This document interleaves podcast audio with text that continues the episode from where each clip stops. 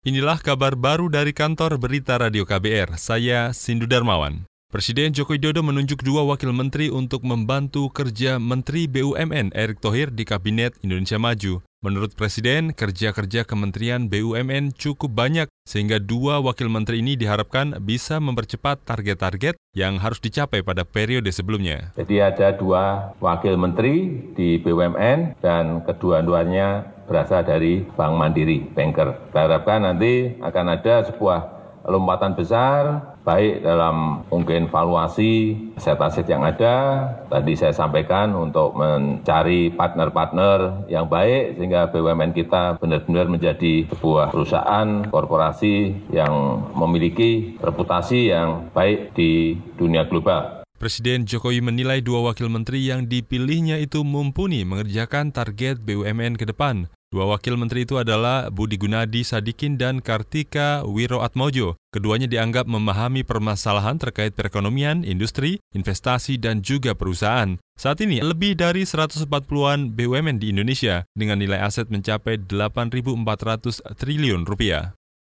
Fraksi Partai Amanat Nasional MPR mempertanyakan keputusan Presiden Joko Widodo melantik belasan wakil menteri hari ini. Sekretaris Fraksi PAN MPR, Saleh Partonan Daulay, menilai Pelantikan belasan wakil menteri merupakan keputusan yang bertentangan dengan rencana Presiden melakukan reformasi birokrasi. Kalau itu dilakukan yaitu terobosan besar, yaitu dengan memangkas eselon 3 dan 4.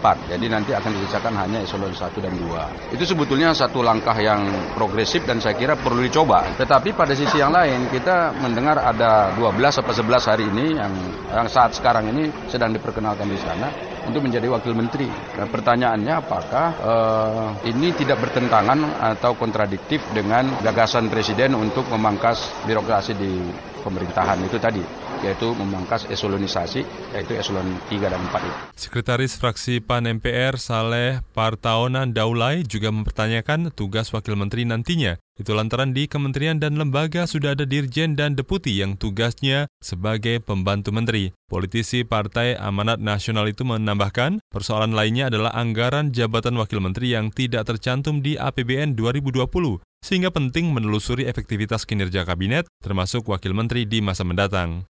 Kita ke soal lain, hasil investigasi Komite Nasional Keselamatan Transportasi KNKT menyebut ada sembilan faktor penyebab jatuhnya pesawat Lion Air PKLKP dengan kode penerbangan JT610 rute Jakarta Pangkal Pinang Oktober 2018 silam. Kepala Subkomite Kecelakaan Penerbangan KNKT Nur Cahyo Utomo mengatakan, sembilan faktor mayoritas disebabkan kerusakan beberapa instrumen di pesawat nahas itu. Kami mengambil kesimpulan ada sembilan hal yang berkontribusi terhadap kecelakaan ini. Yang perlu kami sampaikan bahwa yang kami sebut sebagai contributing factor, definisi yang kita ambil menurut ketentuan internasional atau ICAO yang bisa didefinisikan sebagai hal-hal yang terkait kecelakaan yang apabila hal ini tidak terjadi atau terhindar maka kecelakaan mungkin tidak terjadi. Jadi sembilan hal yang kami temukan ini adalah sembilan hal yang har yang terjadi hari itu yang mengakibatkan kecelakaan. Kepala Subkomite Kecelakaan Penerbangan KNKT Nur Cahyo Utomo menjelaskan, sembilan faktor itu di antaranya asumsi terkait reaksi pilot yang dibuat pada saat proses desain dan sertifikasi pesawat Boeing 737-8 MAX, KNKT juga menyebut ada kesalahan kalibrasi pada sensor yang tidak terdeteksi saat perbaikan pesawat Lion Air PKLQP.